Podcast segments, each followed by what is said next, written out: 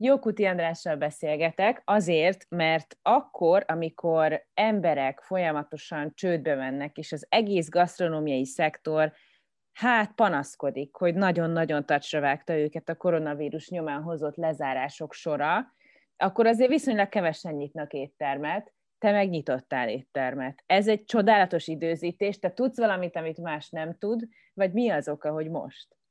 Hát lehet, hogy csak annyit tudok, hogy az átlagosnál optimistább vagy vakmerőbb vagyok, tehát hogy alapvetően nem volt ez tervezve, ez egy, ez egy körülbelül két évvel ezelőtt kitalált koncepció és projekt, amit, amit mindenképpen szerettem volna megvalósítani, és hát azt nyilván nem kalkuláltuk bele, hogy közben felfordul a világ körülöttünk, viszont úgy döntöttünk, hogy egyszerűen nem várunk tovább. Tehát ugye a következő hónapokkal kapcsolatban is mindenféle típusú várakozások vannak onnantól kezdve, hogy na már csak pár, hét odáig, hogy, hogy a következő évek azok mindenről fognak szólni, hogy különböző vírus mutációk mennek körbe a világon.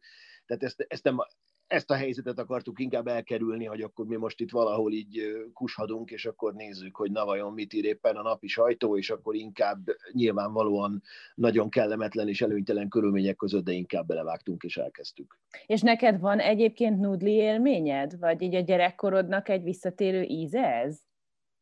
Abszolút, tehát, hogy, hogy nem is csak nudli, hanem nekem inkább az volt a, az volt a felismerés, hogy, hogy az egész világon ez egy univerzális szeretetnyelv a tészta. Tehát, hogy akár merre megyek, én ugye nagyon, nagyon sokat járom a világot, és akár merre megyek Japántól Dél-Amerikáig, ez egyszerűen mindenhol működik. Tehát minden kultúrában, vagy, vagy nagyon-nagyon kevés kivétellel, minden kultúrában megvan az, hogy emberek frissen főtt, gőzölgő tésztát esznek, valamilyen gabonából készült, valamilyen eljárással, vagy van benne tojás, vagy nincs, lehet az akár hajdina, vagy búza, vagy rizs alapú, de, de, de valamilyen tésztát egy ilyen kondérból így kiemelnek, és akkor mindenki mosolyog, és mindenki boldog. Tehát szerintem ez egy, ez egy annyira működőképes és, és, és általánosságban véve egy ilyen fantasztikus comfort food, amire, amire azt hiszem, hogy nincs tisztességes magyar kifejezés, de ugye ez az ilyen nagyon könnyen élvezhető és mindenki számára ilyen élményeket ébresztő finom ételeket jelöli, hogy, hogy ebből így összeállt, hogy, hogy egyrészt micsoda dolog ez, hogy ezek, ezek a magyar tésztaételek, amiket egyébként mindannyian nagyon szeretünk, és mindannyian ettünk egész gyerekkorunkban, és tudjuk, hogy hogy szeretjük a, a káposztás cvekedlire, mennyi bors kell, mennyi, mennyi cukor kell, szabad-e a tetejére tenni, vagy nem szabad kristálycukrot, vagy inkább porcukrot, vagy semennyi, tehát hogy mindenkinek megvannak ezek, a, ezek az élményei, hogy az hogy, hogy tökéletes és mitől jó, de valahogy nincsenek a helyükön. Tehát, hogy ez egy ilyen otthoni, hú, nincs itthon semmi, csináljunk valami tésztát, és akkor kibontjuk, a, kibontjuk az örgős zacsiból a, a, valamikor a diszkontboltból leértékelve vásárolt tésztákat, és, és bele zuttyantjuk a fazékba, és 15 perc múlva van is valami, én meg azt szeretném megmutatni, hogy ez a valami, ez lehet egy, egy nagyon-nagyon jó minőségű és nagyon kiváló dolog is. Tehát ahogy az olaszok ezt, a, ezt az alapvetően ugye szegények ételét, ezt, ezt befuttatták emellett, meg még a pizzát, meg még annyi minden mást is, úgy látok ebben egy ilyen missziót tényleg, hogy, hogy igenis elő lehet venni akár a nyújtódeszkát hozzá, meg be lehet egy kicsit piszkolni a kezünket, tehát hogy nem csak a legegyszerűbb megoldásokkal és a legolcsóbb alapanyagokból lehet ezt megcsinálni, hanem nagyon tisztességes, nagyon, nagyon jó technológiákkal, és itt akkor nem a modern dolgokra kell gondolni, hanem egyszerűen normálisan meggyúrjuk rendes lisztből, rendes tojásból, akkor főzzük meg, amikor szükség van rá, nem előre főzzük le, és akkor így próbáljuk megoldani, hogy ne ragadjon nagyon össze. Tehát, hogy hogy semmi, De várjál, ez azt is jelenti, hogy ti csináljátok a tésztákat? Tehát, hogy a minden persze, tésztát persze, azt ti csináltok? Egyértelmű, tehát azok, azok ott készülnek reggelente a tészták, az, hát az, ez az alapja, ugye egy, e, nem tagadom, hogy az előkép egy ilyen, egy ilyen pastificcio, egy ilyen olasz friss tészta étterem volt, amiket szintén nagyon-nagyon szerettek, ahol megvan az, hogy akkor minden nap készül néhányféle tészta, és abból, aznap abból lehet, ugye mi is majd fogunk árusítani is egyébként elvitelre is, tehát hogy akkor bármire lehet használni a széles metéltet, akár otthon is, de hogy az a, az a lényege, hogy az egész egyszerűen az teljesen más íz, mint egy ilyen száraz tészta. Tehát, hogy még a jó minőségű száraz tészta se, se vetekszik azzal, mint hogyha, hogyha az egy, egy akkor, akkor gyúrták, és akkor főzték meg ott pár perc alatt, és úgy érkezik meg, meg pirítgatták mondjuk egy kis, egy kis mangalica szalonna zsírban, Tehát, hogy ez, ez, ez, ez egy másik minőség és egy másik élmény, és ez csak ezekkel az ilyen nagyon egyszerű ételekkel lehet ezt megcsinálni, hogy egyszer csak lecseréled. A, a kenyér is egy ilyen hasonló téma, de hát pékséget nem akartam nyitni. Meg Nekem most éppen ilyen... úgy, is, úgy is ez a nemzet most a pékek, pékek nemzete lett. Akkor nagyon helyes jelent. egyébként, tehát hogy bárcsak, bárcsak ne évtizedekig ettünk volna szemét kenyereket. Tehát én nekem, a, én nekem ez egy óriási öröm. Én nekem az egyik kedvenc ételem a vajas kenyér, ezekből a fantasztikus kenyerekből. Tehát utoljára tegnap vacsoráztam vajas kenyeret, mert annyira jók már ezek a kenyerek, hogy, hogy és itt is csak az van, hogy fogja a lisztet, meg van, van egy, tehát víz, víz, víz liszt, meg hát egy kicsi só, semmi igazi varázslat nincsen, és, és szerintem ez a szenzációs a tésztában is, ott is ugye fogunk egy kis lisztet, egy kis sót, egy kis vizet, esetleg ugye egy jó adag tojás sem árt mondjuk azért hozzá, és akkor csinálunk belőle valami egészen mást, meg csinálunk belőle különböző jó. formákat. És jó, akkor de várj, megfőzött, formázott, pirított, bocsánat, igen, igen, igen. De mindez, amiről beszélsz, nem, ez tökéletes, és beszéltünk a tésztafajtákról is 50 percen át szerintem simán, de igazából azt akarom kérdezni tőled, hogy jó, de ez tészta, és te is azt mondtad, hogy ugye, már nem emlékszem a szakszóra, hogy van egy ilyen orosz tészt, olasz tésztázó pasztával. Pastificcio, pastificcio, pastificcio igen. Na, igen. a paszta, pasztából, igen. Na igen, az is a pasztából van, de ez nem paszta, hanem nudli, és a nudli az nem igen. paszta. A nudli az nagyon speciális, édes, kicsi gombóckák.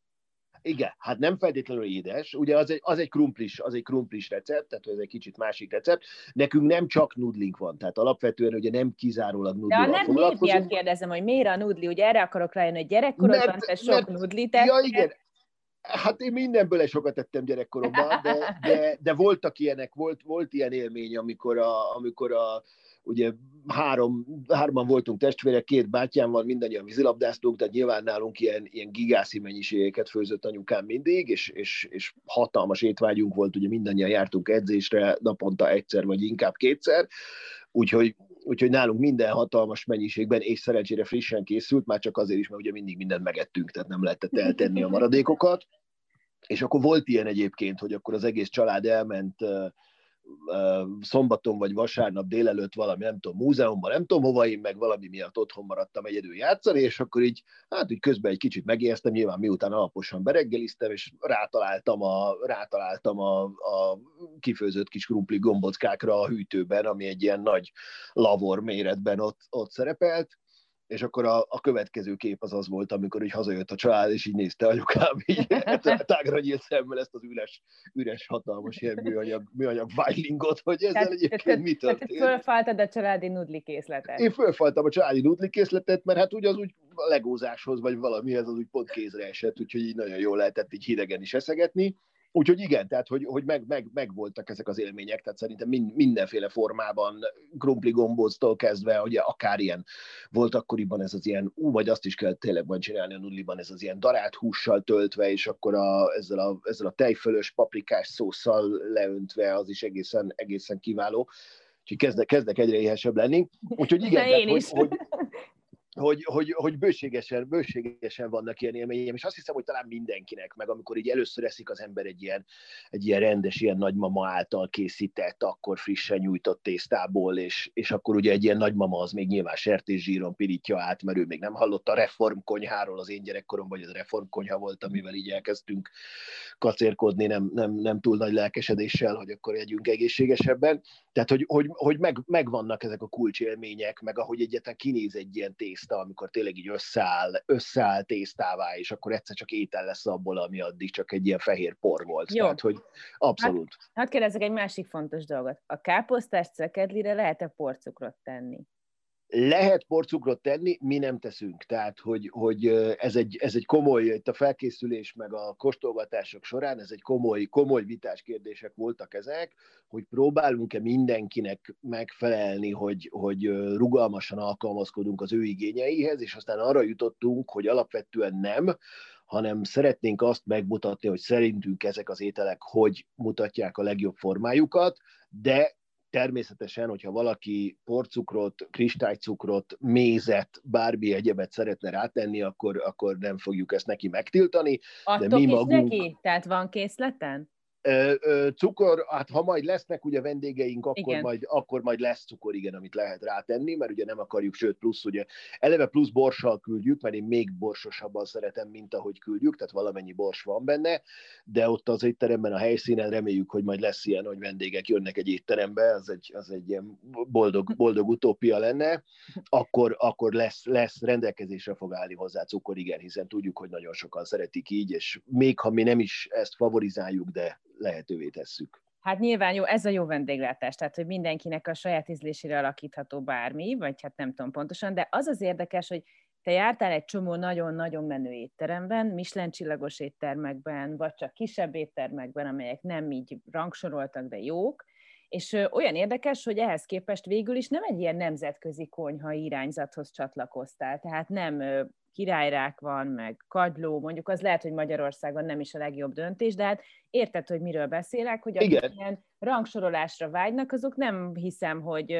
káposztás szekedlivel, meg krumplis tésztával vágnak bele ebbe a versenybe. És nekem ez érdekes, hogy te, aki annyi mindent láttál, annyi fantasztikus étteremben, séffel, kajával, mindenfélevel találkoztál, hogy miért ezt a végtelenül egyszerű irányt választottad? Ennek erre van három válaszom is minimum. Az egyik az, hogy, hogy alapvetően én sose akartam belevágni a vendéglátásba, tehát túl sokat látok belőle ahhoz, hogy tudjam, hogy ez nekem nem való, én ezt nem akarom, ez rabszolgaság, ez csak úgy néz ki, mint hogyha sok pénzt lehetne vele keresni, de valójában egy borzalmas taposó malom, és ki vagy szolgáltatva a körülményeknek, a séfeknek, a vendégeknek és mindenfélenek, tehát és soha nem akartam ilyennel, és akkor közben ugye nyilván mindig ott volt, hogy hú, azért mégiscsak kéne valamit, amit, amit csak nálam lehet, meg amit csak én tudok, meg ami az én, én eh, valahogy a quintessenciája annak, amit így összeszedek a világból, és akkor annyit sikerült eh, levagdosnom ebből, hogy na jó, legalább nem a fine dining, tehát le, nem ebbe a csúcsétterem Aha. világba merülök el, mert ott aztán az tényleg a teljes öngyilkosság, tehát hogy olyat még nem, olyat még nem hallottam, aki, aki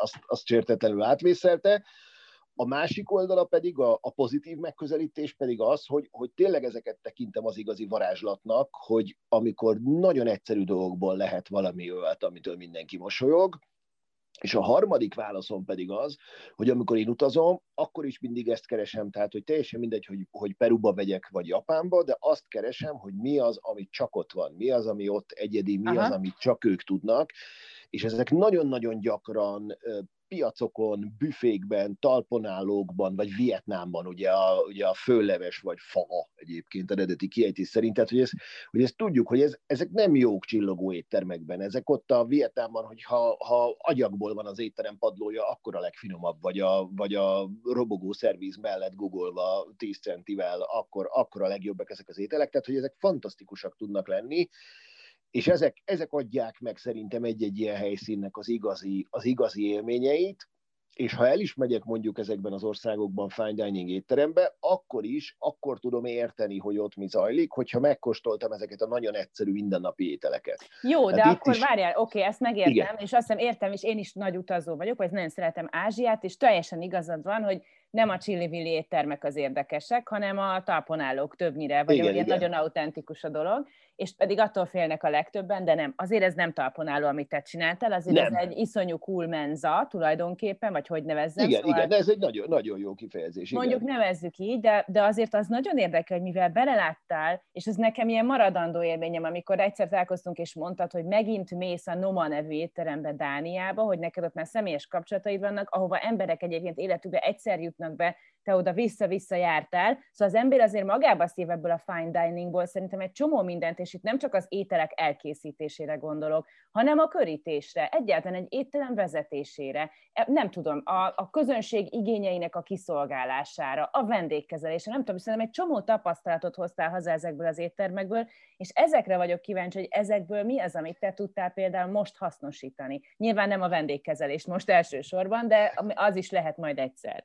Igen, ugye ebből, ebből azért vannak ilyen fájdalmas levágások, tehát hogy, hogy, hogy való egy csomó mindent nem tudok használni, amiket így megtanultam, de, de, de le akartam csupaszítani. Tehát azt gondolom, hogy, hogy alapvetően a nagyon jó fine dining, akár egy ilyen noma, akár bármilyen más művészi színvonalú étterem is, azért amellett, hogy élményt árusít elsősorban is nem ételt, de azért mégiscsak ugyanarról szól, tehát azért egy étkezésről szól, aminek a központi eleme azért az étel.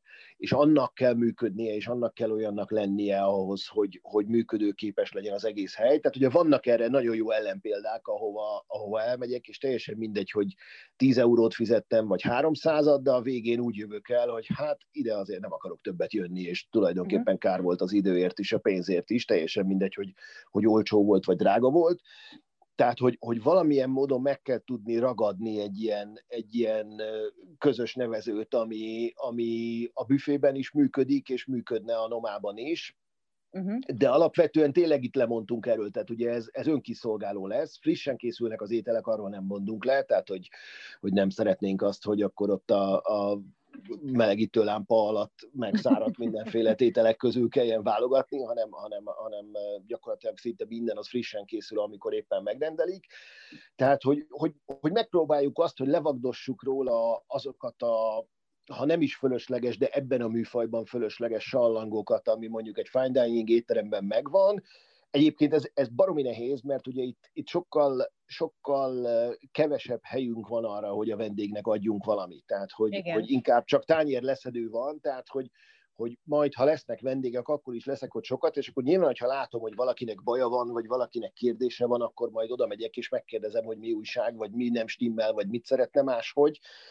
Addig viszont ugye van ez a szörnyű állapot, hogy, hogy amikor elkészül az étel, akkor beletesszük egy dobozba, és akkor elviszi egy sígyek is, sígyek is motoros futár, tehát hogy ez egy ilyen nagyon-nagyon furcsa állapot, de egyben, egyben kihívás is, hogy hogy lehetne mégis így is eljuttatni, valahogy célhoz juttatni ebből az élményből. Jó, igen, többet. hát ez biztos, hogy egy két világ, már mint olyan értelemben is, hogy a vendég és a vendég nélküli világ, az két különböző világ, meg a fine dining és az egyéb, az igen. valószínűleg egy különböző világ. Viszont nagyon emlékszem arra, amikor a Bocuse azoknak, azok kedvéért, akik nem tudják, elmondom, hogy Bocuse ez egy verseny, a fine dining egyik versenye, tehát hogy itt tényleg föl lehet tűnni, meg országok, csapatok, tréningek vannak, és András szokta vezetni Magyarországon mindig ezt a műfajt, de volt egy jó kis balhét, hogy beleettél egy tányérba.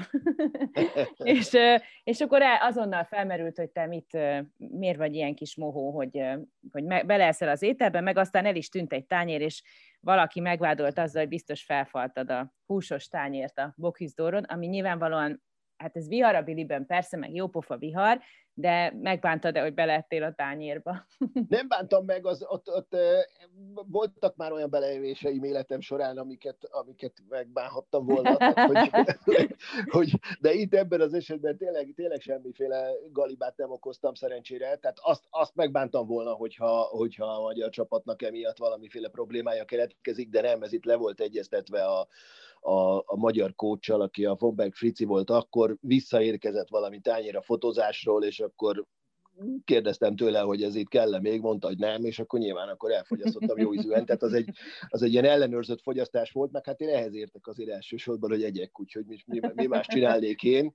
A, van ilyen családi legenda, hogy már a, a császáron születtem, és akkor ugye azokat a gyerekeket akkoriban még nem, nem engedték azonnal szoptatáshoz oda, hanem akkor még nem tudom mivel, valamivel még táplálták, vagy nem tudom mi volt, én viszont azonnal kiköveteltem magamnak az anyatejet, tehát hogy nekem erről szól az, étel, az ételem, az, erről szól az életem, hogy ételhez jutok, ez, ez. meg ugye a két bátyja az ugye eleve, eleve az, az arra is megtanított, hogy ami ott van, azt akkor kell, akkor kell gyorsan magadévá tenni, mert különben aztán később ki tudja, hogy... Szóval, hogy tulajdonképpen most azt magyarázod, hogy ebben az egyetlen mozdulatban, hogy te beleettél egy tányérba, ott volt az egész életed. Pontosan, pontosan, igen, tehát most itt le is feküdtem egy kanapéra háttal, és, és tulajdonképpen, mint pszichológusnak vallok erről, hogy, hogy az igen, az, egy, az az életemért való küzdés volt, és semmi más, tehát hogy az a gesztus. Nem, szerencsére ott nem történt semmiféle probléma, tehát a másik ételt az simán ott valahogy a szervezők kavarták el. Nagy bánatom, mert azt így nem tudtam megkóstolni én se, mert hogy nyilván kíváncsi vagyok, hogy milyenek ezek a versenyételek.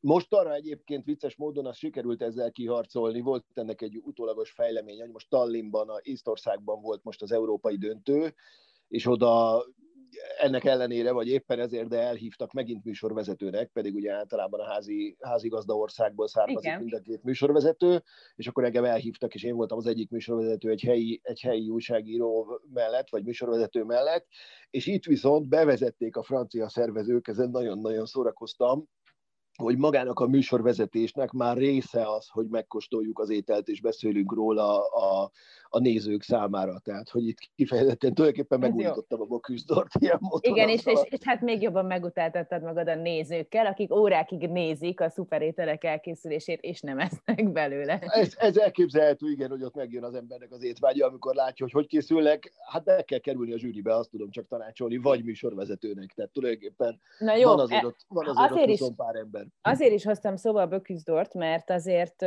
azon mindig lehet látni, hogy merre megy épp a gasztronómia, és most egyébként ez egy nagy kérdés, hogy mondjuk a Covid miatt történt-e valami a gasztronómiában, vagy egyszerűen csak leállások vannak, vagy, vagy irányok megszűnnek, vagy szóval tör, most történik-e valami, vagy áll az egész ipar? Hát alapvetően azért egy, azért egy hatalmas, hatalmas vészfék behúzás, behúzás történt és történik, és biztos, hogy biztos, hogy óriási piaci átrendeződés lesz, amikor így elkezdenek lassan újra éledni a helyek. Egyébként már úgy ugye van egy-két olyan ország, ahol így félve ugyan, meg, meg eléggé a bizonytalanban, de elkezdtek már, már újra nyitogatni. Az biztos, hogy, hogy mivel megszűnik az a fajta ilyen idilli állapot, ami az elmúlt években volt, hogy gyakorlatilag mindenhol felpörgött a turizmus, mindenhova egyre több pénzzel érkeztek az emberek, tehát egy kicsit, egy kicsit elszakadt a valóságtól a gasztrómia, aminek egy, egyrészt ugye van előnye is, mert hogy emiatt ugye egyre inkább művészi és egyre inkább uh, izgalmas és kísérletező tudott lenni, de közben meg lehet, hogy ez már egy, lehet, hogy, hogy bizonyos szempontból még jól is, jól is jött egy ilyen pofon, hogy, hogy kell tudni igenis a, az ottaniaknak és az egyszerűbb embereknek is élményt adni, még mhm. akár, uh-huh. egy, még akár egy komoly étteremben is. Tehát, hogy nem lehet teljesen csak arra építkezni, hogy majd jönnek a japánok, a kínaiak és az amerikaiak, és ők, ők, ők beülnek, és, és megeszik, és kifizetik a, a, a vaskos cechet a végén, hanem nem lehet teljesen elszakadni a gyökerektől. Tehát, hogy biztos, hogy a, a fine dining világa és a csúcséttermek világa is egy picit visszafelé fog kanyarodni azért a, az egyszerűsítés és érthetőség és a, és a helyiség felé, és szerintem ez egyébként egy nagyon hasznos trend. És olyan trendeket lehet látni, és tényleg ezt a teljesen kívülállóként kérdezem, hogy, hogy sokáig volt például egy olyan trend, hogy a, az ételeket szétszetik alkotóelemekre, és egy teljesen más textúrájú dolgot kapott vissza az ember, mint amit megszokott attól az alapanyagtól. Ennek is természetesen van neve ennek az irányzatnak, de mondjuk ez egy elég erős és visz, nagy visszhangot kiváltó irányzat volt, hogy ilyen típusú újítások, vagy, vagy ilyen masszívan jelenlévő áramlatok vannak-e most a nemzetközi gasztronómiában? Igen, ez, amit említettél, ez például a, a molekuláris gasztrómiára jellemző, amikor egyszer csak felfedeztek egy csomó mindenféle, akár ilyen természetes alapú porokat, puhítókat, granulátumokat készítő dolgokat, zselésítő anyagokat, amikor itt tényleg egyszer csak, hogy mindennek a halmazállapotával el lehetett kezdeni játszani. Ez, ez ebben az extrém formában ugye ez egy ilyen nagyon avantgárd és nagyon modernista dolog volt, ez már nem nagyon létezik, egy-két ilyen hely van még, aki ezt őrzi. Ezek általában már szerencsére azért értelmes dolgokat csinálnak már, mint úgy, uh-huh. hogy vicces, de, de gasztronómiai értékeltő, mert ugye ebből is voltak ilyen vadhajtások, hogy akkor egyszer csak mindenki, nem tudom, gáz alapú most mondok valami hülyeséget, pörköltet készített, Aha. tehát hogy gyakorlatilag pörkölt füstöt készített, hát ez nem, erre azért nincs szüksége a világnak, de lehet ezzel úgy játszani, hogy értelme legyen, meg bekerült ebből egyébként egy csomó technológia, meg alapanyag bekerült a mindennapi vendéglátásba, tehát hogy, hogy mondjuk szebb mártást lehet készíteni egy ilyen sűrítő anyag segítségével, nem lesz semmiféle mellékíze, mindig sikerülni fog, tehát hogy van ennek ilyen további élete alapvetően pedig az új trendeket, hát hogy most nehéz trendeket megfigyelni, de de talán ez, ez részben, a, részben a covid tehát most egy ilyen nagy hullám, annyiban figyelhető csak meg, ugye, hogy a, a skandinávok elkezdték már jó pár évvel ezelőtt, főleg a Noma tizen évvel ezelőtt már elkezdték ezt, ami, ami azóta lecsapodott sok helyre másra, és emiatt nem hívjuk mondjuk Nordiknak, de a keretrendszer az hasonló, ami egy olyan megközelítés, és, és szerintem most már Budapesten is vannak elég jó, elég jó követői, ami, ami végül egy helyi konyhát eredményez, de nem azon az alapon, hogy akkor összegyűjtjük a régi recepteket, és akkor azokból csinálunk valami, valami átvariálást és valami különlegeset, hanem azt mondják, hogy elfelejtjük, hogy milyen ételeink vannak, hanem azt nézzük meg, hogy, hogy milyen alapanyagok találhatók meg elsősorban a természetben. Tehát, hogy, uh-huh. hogy akár olyanok, amiket mondjuk vagy nem is használtunk, vagy nem is nagyon használunk, vagy utoljára a nagyszüleink használtak, vagy még eddig ki se próbálta senki, hogy egyáltalán ehető-e, és akkor elkezdjük ezeket összegyűjteni, és megnézzük, hogy melyikkel mit lehet csinálni. Összepárosítgatjuk őket, mindenféle fermentálás. Mondjál példákat, és... hogy mondjuk mi az, ami... Tetszőleges erdei bogyókat megnézzük, például most itthon, itthon egyre inkább trend az utóbbi években, ami előtte nem nagyon volt, hogy a, a, a bodzának a, a termését például savanyítják, és akkor úgy rákerül egy ételre egy ilyen kis plusz, plusz savanyúságként, vagy, vagy elsősorban ilyen fermentás, tehát valójában teljesen izgalmas ősi és nagymamáink által is használt technológiákat alkalmazunk olyan tételekre, amikkel ezt nem szoktuk, vagy akár azt hittük, hogy mondjuk ehetetlen, de például a vadkörte is egy ilyen dolog, amit egyébként ugye egyáltalán nem alkalmas emberi fogyasztásra, fermentálva már meg lehet enni, mhm. és, és akkor így, így tulajdonképpen megint csak egy olyan, olyan ételek jönnek elő, amik, amik azért az adott terroárnak és területnek a mindenféle izgalmát és lehetőségeit magukon viselik, de valami egészen más, tehát mint egy ilyen alternatív valóság jön létre, tehát nem el tudunk szakadni ettől a gulyásleves zachertorta, már amennyire az magyar persze, vagy gulyásleves mákos guba tengelytől, és egy ilyen alternatív valóság létrejön, hogy mi lett volna ha, vagy mi lenne ha, csak azt néznénk, hogy oké, okay, mit találunk itt a környéken, de egészen más, más szemüvegben közelítünk hozzá, és szerintem ez nagyon, nagyon izgalmas, és, és nagyon érvényes és érdekes trend. Biztos ennek is majd egy kicsit el fog múlni a divatja, de, de azok a, de lesznek olyan eredményei, amik a, a molekuláris gasztrómiához hasonlóan megmaradnak azért. Tehát például ezek a, ezek a nagyon érdekes savanyított zöldségek és, és növények, amiket más technológiákkal kezdtek el savanyítani, azok közül biztos lesz jó pár olyan, amit, ami majd visszaköszön a következő évtizedekben is. Most a gulyáslevesről jutott eszembe, hogy te posztoltad a blogodon, hogy gulyást eddig késsel villával, tehát hogy ilyennel is találkoztál már, szóval végül is ebben a gulyásevésben is meg lehet bontani a tradíciókat. Igen, igen hát teljes, teljes örület van, tehát mindenki, ami egyébként szerintem jó, tehát hogy én nem, nem csóválom a fejemet, mert, mert hiszen hát miért ne, miért ne lehetne kísérletezni mindennel, tehát hogy mindenki szeretne valahogy, szeretné valahogy letenni a névjegyét, valami nagyon különlegeset szeretne alkotni, és, és hogyha ha a vendég tudja előre, hogy itt játszani fognak vele, tehát hogy itt, hogyha ha az étlapon az ugujásleves az tudja, hogy nem egy, nem egy mini bográcsban fog érkezni, és ugyanolyan lesz, mint a nagymamáé, hanem, hanem valami egész más, akkor szerintem ezzel semmiféle probléma nincsen, hogy ezt átvariálják és megviccelik és aztán tehát így, így fejlődik egy konyha, meg így, így alakul az emberek ízlése, aztán lehet, hogy kiderül, hogy az a játék az egyszer volt jó, vagy egy ideig jó volt, és aztán utána elfelejtjük, és inkább visszatérünk az eredeti gulyásleveshez. Én is anyukámtól továbbra is a, a kanála lehető gulyáslevest kérem, amikor megyek látogatóba, úgyhogy, úgyhogy meg, megvan itt minden, minden virágozzék minden virág, én azt gondolom, mert van, aki felkapja a fejét, hogy hú, hát akkor azt nem szabad gulyáslevesnek hívni, de hát azért általában, amikor az ember egy olyan helyre megy, ahol ilyen játékos konyhát visznek, ott azért az sejti előre, hogy, hogy nem, a, nem a kis csípős paprika szeretkéket fogják hozzá tálalni, hanem valami egészen mást kap.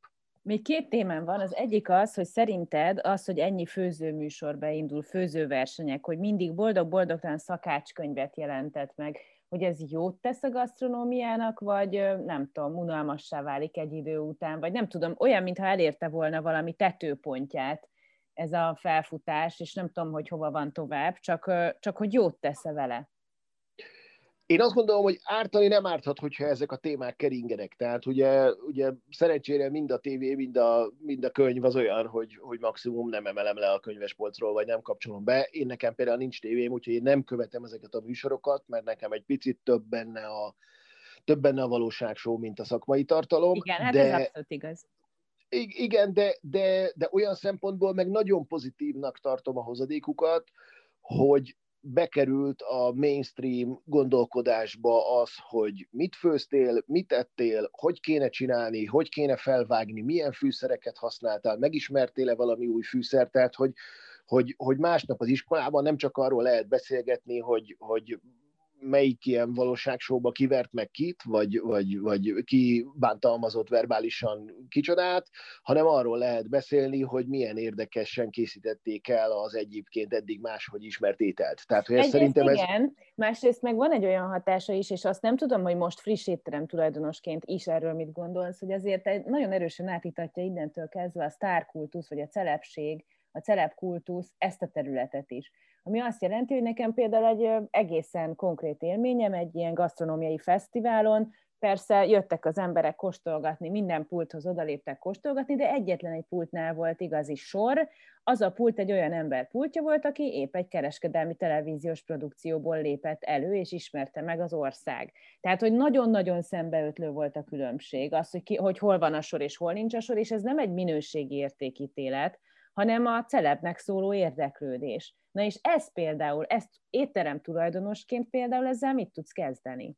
Én nem, nem tartom ezt se katasztrófának, tehát hogy, hogy azt se tartanám feltétlenül jobbnak, hogyha, hogyha étterem helyett az emberek, tehát legalább, legalább jó étterre próbálják költeni a pénzüket az emberek, tehát hogyha egy, ha egy másik műsor, másik celebje miatt viszont napszemüvegeket vásárolnának, akkor, akkor az az én szempontomból sokkal rosszabb lenne, nem is csak mint étterem tulajdonos, hanem mint a, a gasztrómia ügyében dolgozó, vagy azt, azt előre mozdítani próbáló ember, emberként is mondom ezt. Tehát, hogy ez nyilvánvaló, hogy a tévé, a nagy kereskedelmi tévék, azok, azok óriási hatalmat képviselnek. Egyben felelősséget is, azt, azt egy kicsit kevésbé látjuk, hogy ezzel a felelősséggel ezzel valahogy élni próbálnának, ez nyilván nagyon jó lenne, de, de nem tartom annyira károsnak. Tehát, hogy, uh-huh. hogy ráadásul, hogyha jól sejtem, hogy kire gondolsz, akkor ő, ő tényleg egy nagyon jó séf is. Abszolút, Tehát, nem, ilyen, ezért nem is akartam nevesíteni, tudom, valóban tudom, az, Igen, de hogy, de hogy ilyen szempontból nem megy mellé, mert ugye az jobban fájna, hogyha egyébként egy nagyon közepes vagy gyengécske séf érne el ez Nem, én csak azt állítom, hogy benne van a rendszerben, ez a hiba. Benne van a rendszerben, de hogy, de hogy továbbra is összességében mégiscsak a gasztrómiát reklámozzák. Tehát, hogy azt, azt az ötletet, hogy azt, hogy mit teszünk, és hol leszünk, és kitől leszünk, erről lehet beszélgetni, és ez egy izgalmas téma. Tehát én, én nekem ez ilyen szempontból ez nem fáj, ez mindig, mindig így lesz. Akit sokat mutatnak a tévében, az, az, az előnyöket fog élvezni ilyen szempontból is. Ez az illető legalább nem visszaél ezzel az előnyel, hanem él vele, miközben ugye nyilván vannak ilyen műsorok, ahol sejtjük legalábbis, hogy, hogy a, a nyertes az nem feltétlenül azért nyerte meg, mert, mert annyira fantasztikus lenne, hanem éppen sztoriban az, nőtt, az, az, az igen, nézett igen. ki jobban ő, hogyha nyit egy éttermet, akkor az elképzelhető, hogy az elég hamar vissza fog ütni, mert ott, mert ott aztán előbb-utóbb aztán már elfogynak a rajongók, és akkor jönnek azok, akik, akik csak szeretnének egy jót enni, és azok rá fognak jönni, hogy, hogy na hát, ez na nem hát, az, igen, ez nem az a ez, hely. Ez most, ez most nem, nem volt elég. De egyébként itt az említett hosszú sorbálásnál, ott én úgy emlékszem legalábbis, nyilván nem kérdeztem ki az embereket, hogy ott ők elégedettek voltak a végén. Tehát ilyen szempontból szerintem ezzel semmiféle probléma nincs. Nyilván voltak olyan éttermesek, akik azt mondták, hogy na jó, jó, de miért nem inkább hozzám jönnek. Azoknak azt tudnám mondani, hogy ezek az emberek bejöttek, lehet, hogy ezek az emberek meg se jelentek volna egy ilyen, egy ilyen fesztiválon, ami, ami ennyire a minőségi vendéglátásról szól. Tehát tulajdonképpen lehet, hogy itt most egy újabb, újabb kör sikerült egyáltalán bevonzani ebbe az érdeklődési körbe, ja. akik majd biztos el fognak menni előbb-utóbb más éttermekbe is, meg cukrászdákba, meg kávézókba, és megkóstolnak más dolgokat is. Ja persze, hát szóval most a könyvipart mellé hozva, szóval Eszterházi Péternél is hosszú sorok álltak mindig dedikáltatni, ettől nem lett rosszabb író, szóval szóval nem ez, nem. A, nem ez a, természetesen nem ez volt a képlet, de most teljesen személyesen vagyok kíváncsi arra, hogy neked van-e határod, tehát, hogy van-e olyan íz, amit nem, nem bírtál megszokni, megszeretni, elfogadni?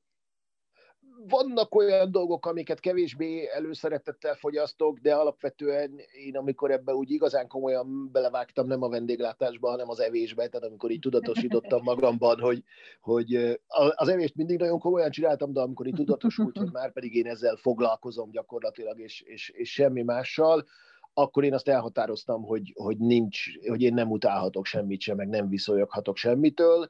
Nyilván van olyan dolog, amit úgy kevésbé szívesen kóstolok meg, vagy ahogy több mindent kell legyőzni magamba, de ezt erre, erre trenírozom magam, hogy, hogy nem ronthatja el. De most arról, de bocsánat, csak hogy arról beszélsz, hogy vannak olyan állagú dolgok, vagy mondjuk belsőségek, hát vagy, egy, vagy egy állag is, Abszolút, tehát én például felnőttként tanultam meg a belsőségeket is, mert ugye nálunk a családban valamiért mondjuk pacalt, meg hasonlókat nem ettünk soha.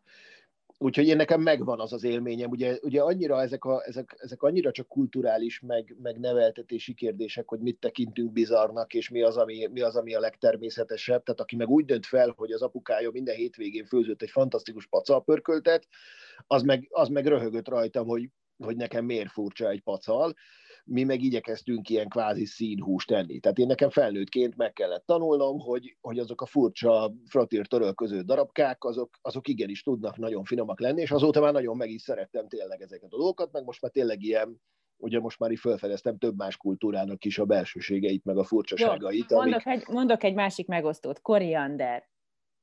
Én, én koriander rajongó vagyok. Állítólag, aki, aki nem szereti a koriandert, az, az nem, a, nem az ő hibája, hanem az valamiféle ilyen, ilyen érzékelésbeli különbség, tehát hogy ő nekik egy ilyen dominánsan egy ilyen szappanos hogy ez most íz vagy illat, azt nem tudom, jelenik meg, és azt megértem, hogy az ember azt nem akarja nagy mennyiségben fogyasztani. Én egyszer fogyasztottam szappant, amikor a, a feleségem kapott valakitől ajándékba egy ilyen kézikészítésű szappant, és, és egy mini kugló formában készítették azt el, fehér színű volt, be volt csomagolva a celofánba, és én már, már napok óta nézegettem, hogy hú, biztos ilyen fehér csak is, belül nyilván marcipános, napok óta vágytam rá, hogy na, én azt most már megeszem, és, és aztán akkor, tényleg.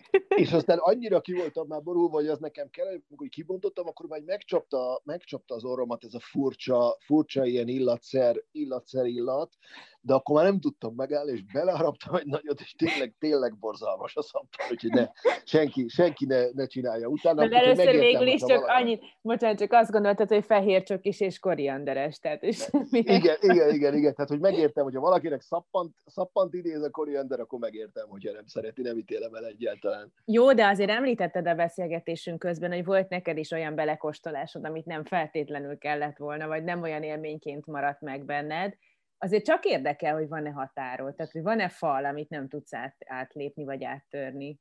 Hát ami, ami ugye szintén ilyen kulturális határ, például a kutyahúst soha nem kóstoltam még. Tehát ugye, ugye alapvetően úgy szeretem a, a, a helyi kultúrák. Tehát az a, az a szabályom, hogy körülbelül, hogy amit az adott, az adott országban, az adott kultúrában élvezeti célral, tehát nem babonás, meg egyéb, egyéb célokkal fogyasztanak, arra én kíváncsi vagyok, és meg akarom kóstolni, a kutyahúsra nem tudtam rávenni. Magam pedig soha nem volt kutyám, meg tehát nincs, nincs, nincs ilyen mély kapcsolatom a kutyákkal, de azt, azt valahogy azt, azt, azt nem, nem léptem át a határt. Más nem nagyon, tehát hogy, hogy volt már olyan, amikor, amikor így éreztem a, a Laosban valami szörnyű szegény, ilyen elhagyatott helyen a faluban úgy éreztem, hogy, hogy, hogy ott készítik a saját halszószukat, és ugye náluk semmi más nem volt ehető, csak rizs és halszósz, uh-huh. és annyira büszkén kínálták ott a háziak ezt a halszószt, amit tényleg felfordult a gyomrom már az illatától is, és tudtam, hogy, tudtam, hogy bajom lesz, hogy egyszer nem lehetett visszautasítani, hogy mert udvariatlanság lett volna, és akkor egy, következett egy ilyen, egy ilyen több napos görcsben feltrengős Aha. probléma, de hát nem, arra meg nem lehetett nemet mondani. Tehát más, más milyen jellegű problémám az, az nincsen, maximum lesz, lesz majd problémám, hogyha mégis megkóstolom. De, de tényleg az, az van, hogy, hogy amit, amit élvezeti célral, tehát nem azért, mert valami extrémet akarnak csinálni, meg valami hülyeséget akarnak csinálni, azt általában megkóstolok mindent. Jó, és még egy utolsó kérdés, ez teljesen hülye kérdés, de kíváncsi vagyok akkor is, hogyha választhatnál, hogy milyen étel vagy alapanyag legyél, akkor te mi lennél? Hú, ez jó kérdés. Uh, szerintem liszt. De milyen liszt? Sima fehér liszt? liszt. Sima, sima fehér liszt, mert, mert az az, ami a, a, a legizgalma, tehát hogy, hogy az, az tényleg, tényleg és, és ugye ezért is, ezért is lesz tésztázom, tehát hogy tényleg az szerintem az a, az a legcsodálatosabb dolog, hogy így terem valami fűféle a, a mezőn, vagy a szántóföldön, és akkor azt addig, addig dörzsölgetik, amíg lesz belőle egy ilyen fehér por, és akkor abból utána a világ minden táján csinálnak kenyereket, tésztákat, gőzgombócokat, és mindenféle különlegeset, tehát hogy, hogy annyiféleképpen alakítható, és az egyik, hogyha, hogyha ezeket egy marslapúnak bemutatnád, akkor soha nem jönne rá, hogy, hogy ezekben van valami közös. Aha. Hogy, Annyiféle hogy lehet, aha. Szerintem, szerintem talán az a, az, a, az a legizgalmasabb alapanyag a világon nagy bajban lennék, hogyha egyszer gluténérzékenyé válnék. Szerencsére, szerencsére most még nincs itt az a helyzet. Igen, vagy elkezdenél súlyosan diétázni, ahol ugye szinte tiltott hát a fehér az, az, az, az, az embert nem éri olyan váratlanul, olyat nem fogok csinálni. Tehát arról, arról, ahhoz már elég öreg vagyok, hogy tudjam, hogy azt nem, azt nem fogom tudni csinálni. És ezt vehetjük ígéretnek is. Ezt vehetjük ígéretnek, pontosan. Nagyon szépen köszönöm. Jó Kuti Andrással beszélgettem az elmúlt percekben.